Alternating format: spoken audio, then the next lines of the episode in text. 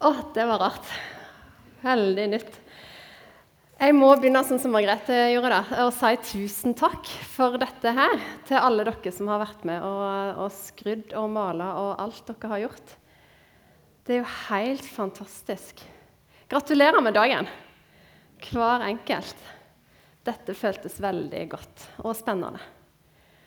Jeg heter Gry Sæter. Kanskje det er noen som ikke kjenner meg. Så da vil jeg si litt om det. Ehm, jeg går her i Misjonssalen. Dette er min andre heim. Min åndelige heim. Her går jeg lag med mannen min Rune og våre to. Lydia på tre og Joel på straks åtte. Jeg er lærer eh, og jobber på Møre ungdomsskole her i Ålesund. Og så innimellom så, eh, så, sier jeg ja da, når Andreas spør om jeg kunne, kan tale litt. og sånn, Så prøver jeg litt på det fordi at jeg klarer ikke å la være å, å si noe om han som har eh, satt meg over fra døden til livet. Det var kort om meg. Nå må jeg be. Kjære Jesus, takk for eh, søndagen. Takk for eh, dagen da livet vant. Takk for ny nåde, og takk for at vi får lov til å være her i misjonssalen. Takk for dette rommet og takk for at du fyller det. Hellige Ånd, takk for at du er her. Takk for at du er liv. Og takk for at eh, du vil vise oss enda en gang og enda mer av hvem Jesus er, og hva han har gjort for oss, og hvor stort det er at vi får være hans. Kjære Jesus, du ser at jeg står her, og jeg er spent og nervøs som vanlig.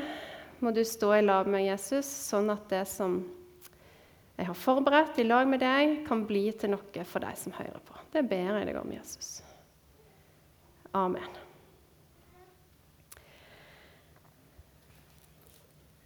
Skal vi se Vi er kommet til 20. august, står det på veggen her. Sommerferien er over, og noe nytt skal begynne. Jobb og studier for noen. Skole og barnehage. Kanskje er det noen som skal følge en eh, seksåring på første skoledag i morgen. August er tida da alt begynner på igjen. Det som vi har hatt ferie fra, og det som har hatt et opphold sommerstid. Og august kan få være den tida der vi får begynne på nytt. I løpet av de siste åra har jeg blitt mer og mer glad i denne måneden august. Kanskje har det noe med læreryrket å gjøre. Det at vi er lærere vi begynner på nytt igjen hvert skoleår i august. 1. august blir som vår 1. januar, på en måte. Og jeg forbinder denne måneden med å forbinde med blanke ark og nye muligheter. Kanskje er jeg òg så glad i august fordi at jeg trenger mer og mer nåde i livet mitt dette å få begynne på nytt igjen. En ny sjanse til å få prøve om igjen når det er noe jeg ikke har fått til. Ja, jeg liker august, og jeg trenger denne måneden sånn som jeg trenger nåden. For vår del her i Misjonssalen så er jo august i år veldig spesiell. Vi starter ikke bare opp igjen med nytt semester og ny høst. og på nytt igjen med alle aktivitetene våre og tilbudene våre. Men vi begynner altså med helt ny sal. Snakk om å forbinde med blanke ark. Det har vi virkelig muligheten til nå i år. Talen i dag det som jeg skal prøve å si litt om, det skal handle om fellesskapet vårt her i misjonssalen. Om det å tjene hverandre, og om Han som fortjener all ære, Jesus Kristus. I programmet som ble delt ut, eh, eller som har kommet nå, som ligger på nettet sikkert, så er dette overskrifta for, eh, for møtet, det dere ser på skjermen. Tenk deg en menighet. Det er tittelen vi har fått.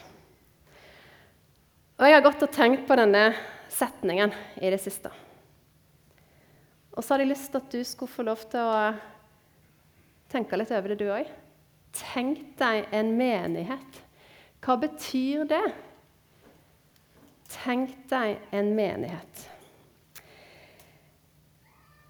Hvordan er de din drømmemenighet? Jeg håper jo at du ser for deg at misjonssalen kan være din drømmemenighet. Men hvordan skal det være her i misjonssalen for at det skal bli din drømmemenighet? Kanskje kan det hjelpe deg å svare på spørsmålet hvis du legger til et ord. Tenk deg en menighet der, eller tenk deg en menighet som Hva kommer etter den setningen for din del? Tenk litt etter der du sitter. Og hvis du har lyst til å dele litt ved siden med den etterpå, så kan du gjøre det. Tenk deg en menighet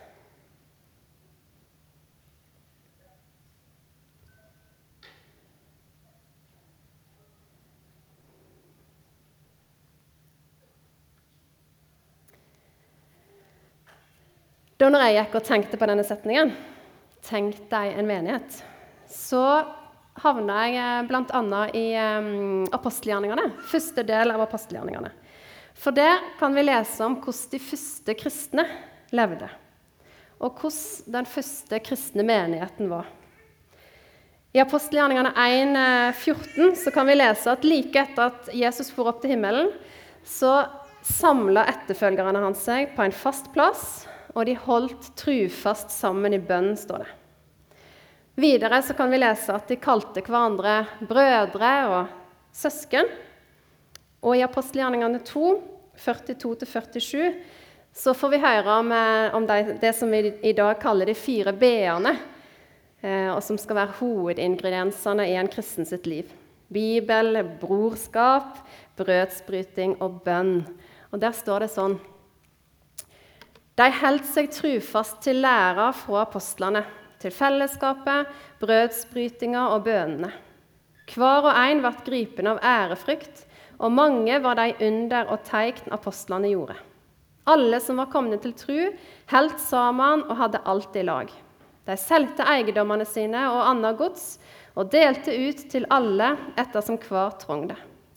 Med ett sinn samla de seg hver dag på tempelplassen og i heimene brøt de brødet og åt i lag med ekte og inderlig glede.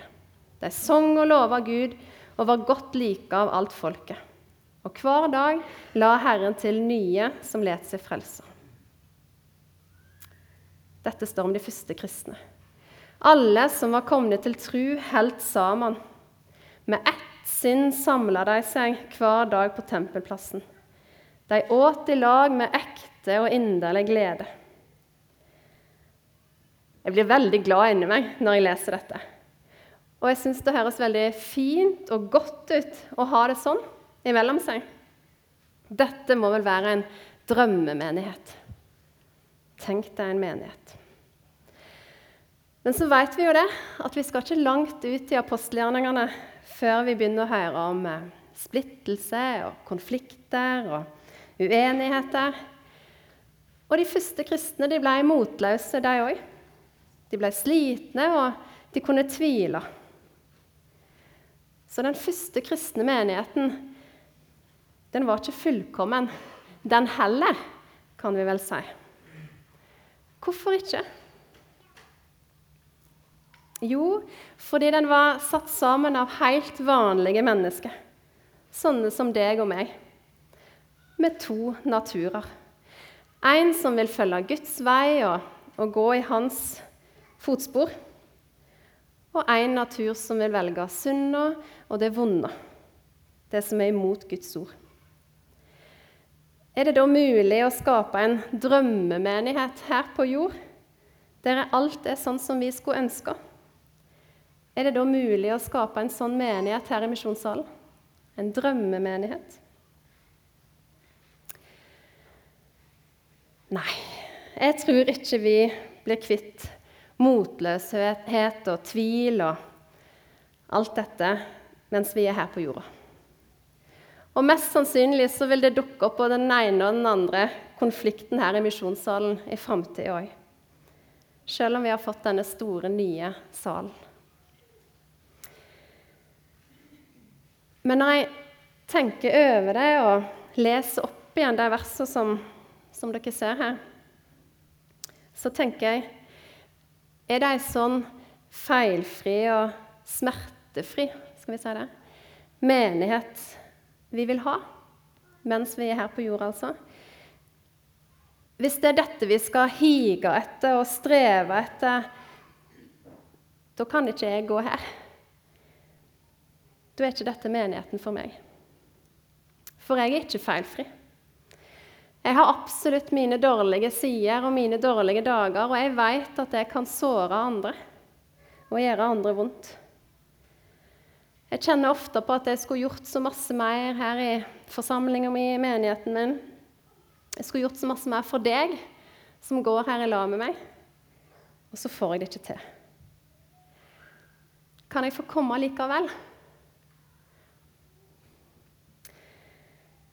Rune og jeg bodde på Hamar for en tid tilbake. og Da gikk vi NLMs forsamling der. Og En av de som gikk i menigheten i lag med oss, han hadde en frase, en setning, som han likte å bruke når han leder leda møtet. Han var blant de faste møtelederne. Da sa han 'No perfect people allowed'. No perfect people allowed. Ingen perfekte velkommen pleide han å si når han starta møtet. Ingen perfekte velkommen. Jeg ble aldri helt fortrolig med den setningen. For jeg liker ikke å si at noen ikke er perfekte. Eh, og som lærer og lærer i ungdomsskolen så er jeg veldig opptatt av å si at du er nettopp perfekt. For du er akkurat sånn som Gud har skapt deg. Du er akkurat sånn som du var tenkt at du skulle være. Men jeg forstår hva han mener. Jeg forstår hva han ville med setningen, og hva budskap han hadde. Her i forsamlinga vår så er alle velkomne. Akkurat sånn som de er. Ingen trenger å være på noen spesiell måte for å passe inn her. Menigheten vår vil ikke være uten feil og mangler før vi kan ha gudstjeneste hjemme hos Gud en gang der framme i himmelen. Fram til da så trenger vi et uh, forbilde. En som kan hjelpe oss å leve i lag som søsken, ta vare på hverandre og tjene hverandre. Vi må løfte blikket på Jesus. I Johannesevangeliet, kapittel 15, så finner vi teksten eh, der Jesus kaller seg 'det sanne vintreet'. Og Det er denne teksten vi skal stoppe for i dag.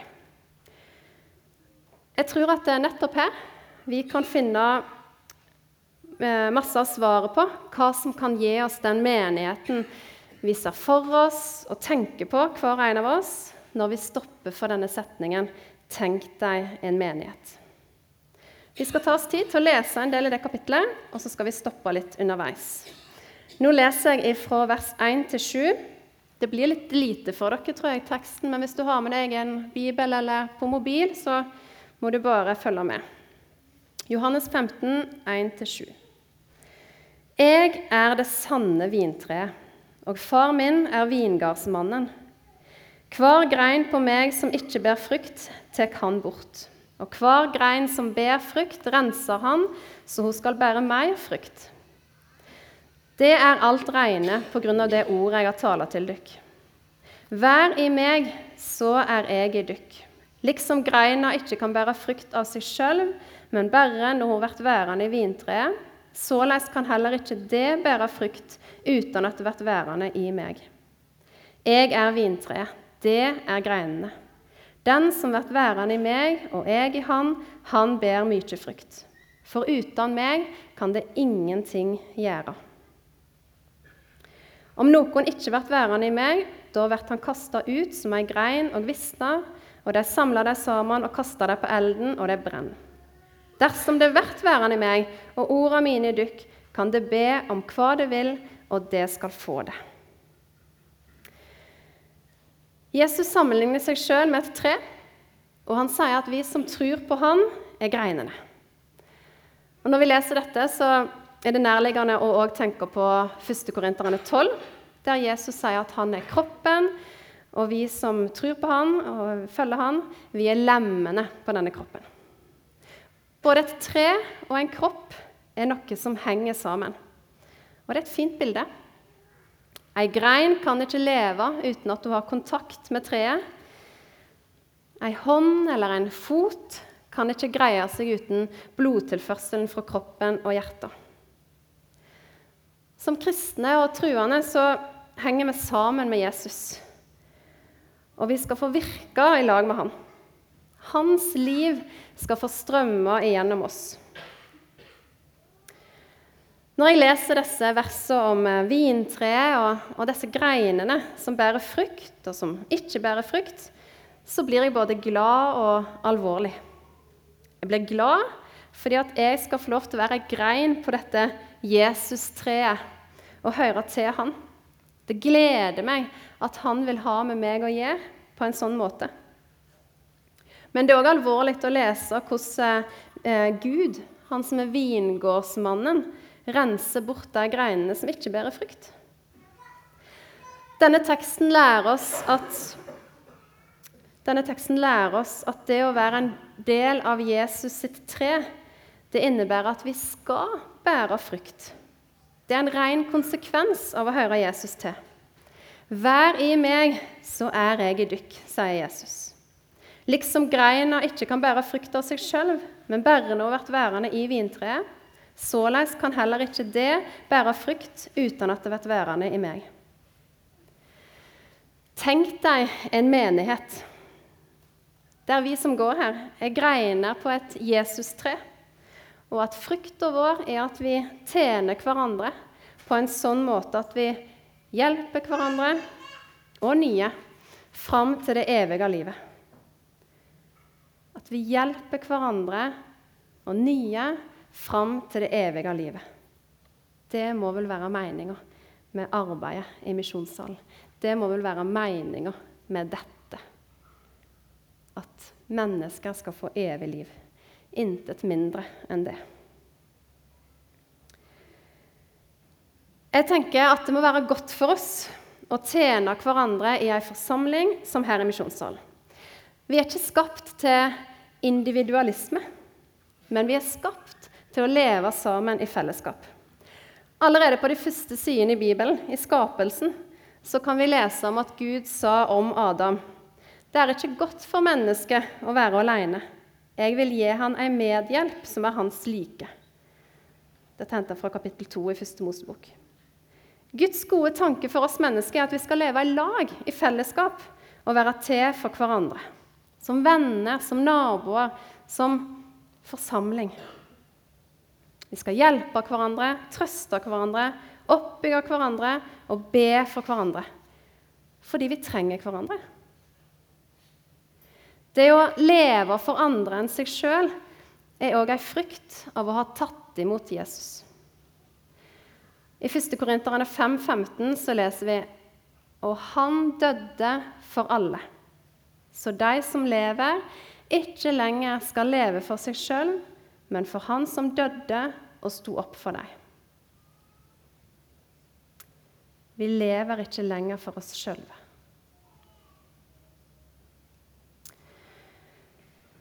I sommer fikk jeg starta ferien med å lese. Jeg er veldig glad i å lese bøker, men det blir lite tid i løpet av et arbeidsår. Men når sommeren kommer, da kan jeg få lese. Og I sommer så starta jeg leseferien med å endelig få starta på Edvard Hoem sine bøker. 'Slåttekar i himmelen' og så oppfølgerne. Disse bøkene tar oss med til Molde og Fræna-området fra eh, slutten av 1800-tallet til tidlig 1900-tall. Og vi får være med over Atlanteren til Amerika og Canada og prærien der. Fordi det var mye om emigrering. da. Mange av dere har sikkert lest de bøkene. Og jeg kunne ha snakka meg langt vekk hvis jeg hadde fått lov til det, men det skal jeg ikke gjøre.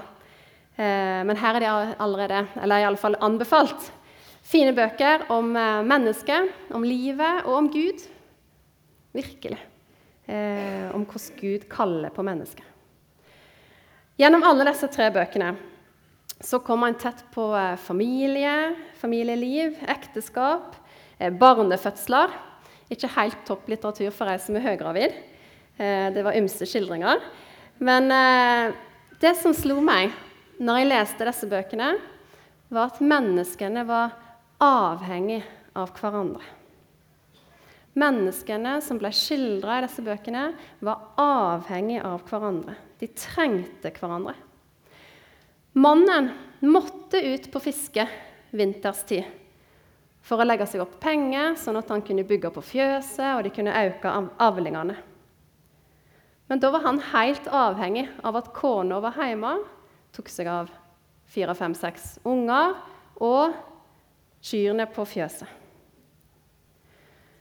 På samme måte så var hun på prærien i Amerika helt avhengig av at han var ute og plødde og fikk såkorn i jorda, sånn at hun hadde brød å gi ungene når høsten kom. Han var avhengig av at hun var inne med ungene og passa dem, så han fikk kornet i jorda. Dette avhengighetsforholdet det slo meg, og jeg tenkte at dette er annerledes i dag. Jeg klarer meg i stor grad sjøl, på mange måter.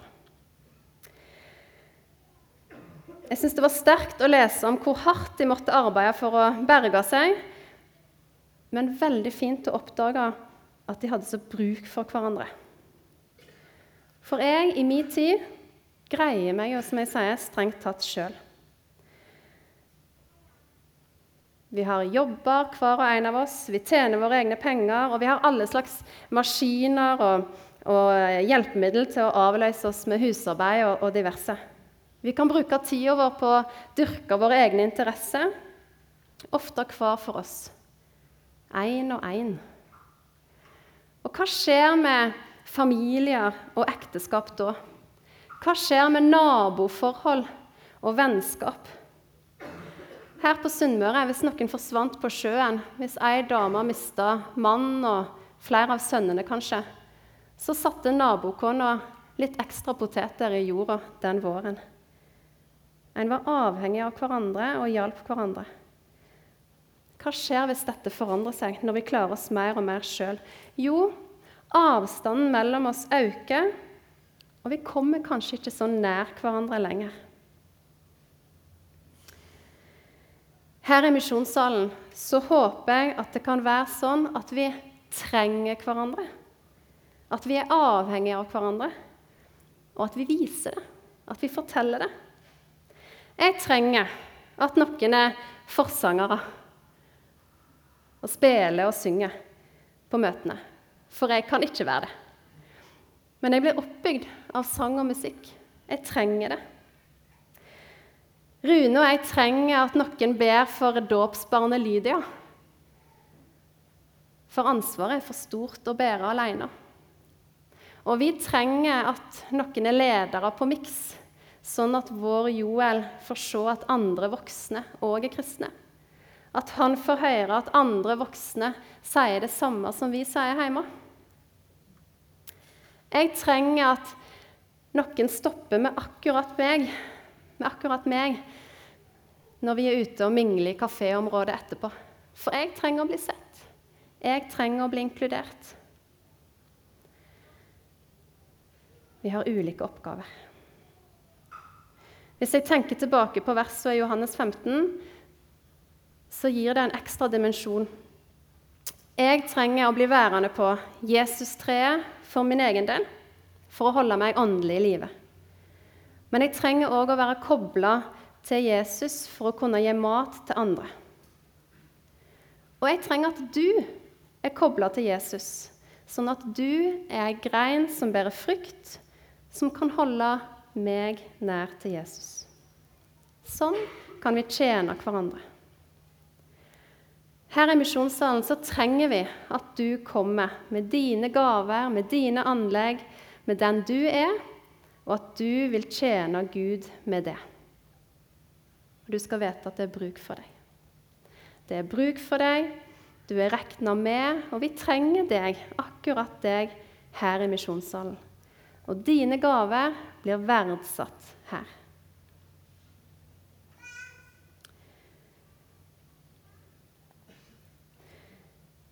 Når vi leser disse her første versene i Johannes 15, så kan vi kanskje bli motløse òg, og slitne. Fordi at vi kan få inntrykk av at vi skal gjøre noe hele tida og prestere så masse.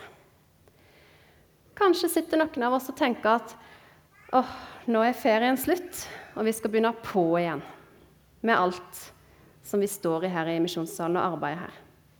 Kanskje kan noen av oss grue litt for det. Og her var mange verb i det som vi leste. Å bære og være og gjøre. Men når vi leser videre, fra vers 8 til 15, så kan vi bli minnet på hvem og hva som er grunnen til at vi skal tjene hverandre. Og hvor vi skal finne styrken vår og krafta vår. Og Da skal vi lese fra vers 5, eh, 8 også til 15. Far min vert herliggjort ved dette at det bærer mye frykt, og det skal verta mine læresveiner. Liksom Faderen har elska meg, har jeg elska dykk. Vær i min kjærleik. Dersom det held båda mine, da er de min kjærleik, liksom jeg har halve båda åt far min og vært værende i hans kjærleik. Jeg har tala dette til dykk, så mi glede kan være i dykk, og gleda dykkar kan være fullkommen. Dette er bådet mitt, at jeg skal elske hverandre liksom jeg har elska dykk. Ingen har større kjærleik enn den at han setter livet til for vennene sine. Det er vennene mine dersom det gjør det jeg byr dykk. Jeg kaller dykk ikke tjenere lenger, for tjeneren veit ikke hva Herren hans gjør. Men dykk har jeg kalla venner, for alt det jeg har hørt av Faderen, har jeg sagt til dykk. Liksom Faderen har elska meg, har jeg elska dykk. Vær i min kjærleik. Ingen har større kjærleik enn den at han setter livet til for vennene sine. Jeg har lyst til å henge på ett vers til fra 1. Johannes 4, 11. Mine kjære, har Gud elska oss slik, da skylder vi òg å elske hverandre. Når jeg tenker på hva Jesus har gjort for meg, at han gav sitt liv og død for meg da kjenner jeg at det er det som gir meg kraft og lyst og mot til å tjene ham. Det er hos Jesus, hos Jesus og hans frelsesverk at vi kan hente det vi trenger. Inspirasjon. Et forbilde, en å se på, når vi skal tjene hverandre. Hensikten med å tjene er jo nettopp å ære Gud for det han har gjort for oss, og å oppbygge hverandre. I vers 10 så leste vi 'Hell det båda mine'. Da er det i min kjærleik. Liksom jeg har halde båda til far min og er i hans kjærleik. Og Hvis vi kikker på de ti bud, og hvordan de er delt inn, så ser vi at de tre første budene um, Du skal ikke ha andre guder enn meg, du skal ikke misbruke Guds navn, du skal holde hviledagen hellig. Alle disse tre første handler om og elske og ære Gud. Mens de sju neste, om å hedre mor og far, om å ikke slå i hjel, ikke lyge og ikke stjele, dette her, de handler om hvordan vi mennesker skal være mot hverandre, og at vi skal oppbygge hverandre. Denne fordelinga av buda viser oss hvordan vi kan og skal ære Gud først, og at det helt naturlige resultatet av det og blir at vi skal tjene hverandre.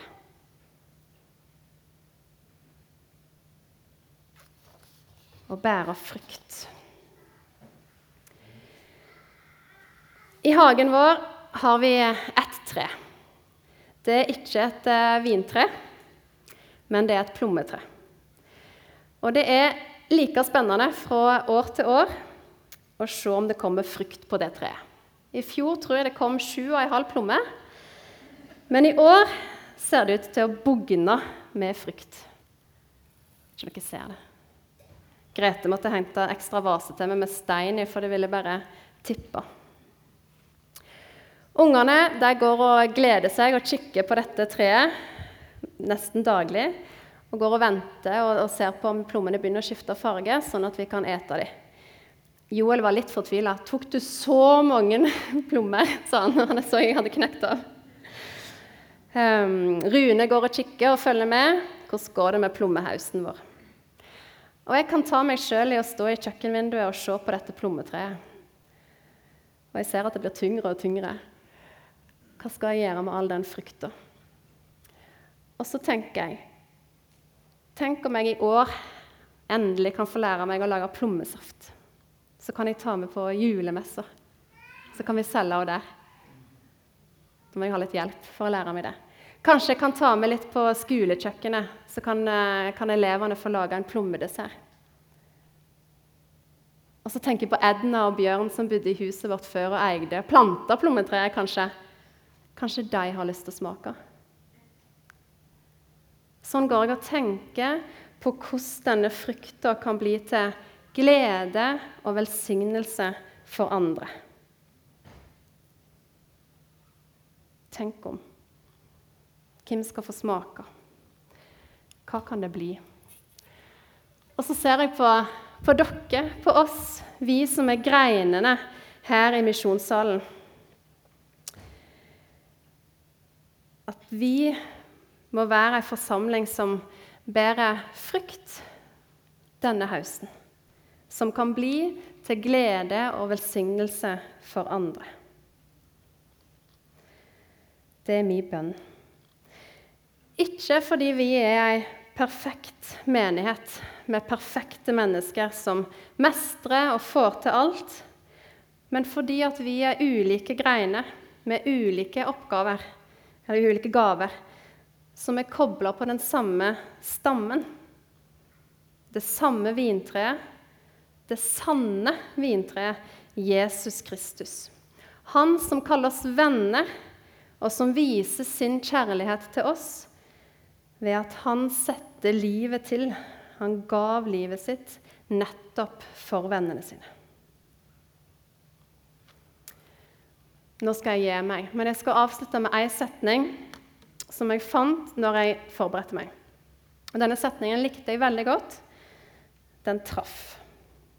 Fordi at jeg syns den fikk fram eh, det som må være det viktigste i ei forsamling, der vi skal ære Gud med å tjene Han og hverandre. Hør på denne.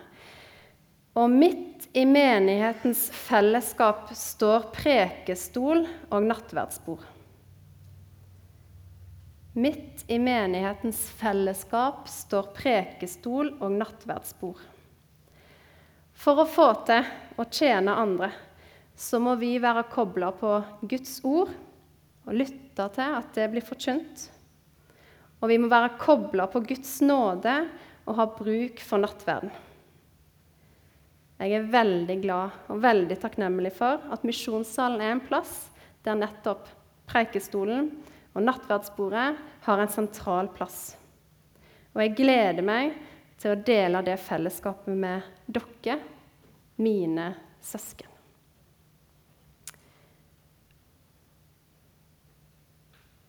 Amen.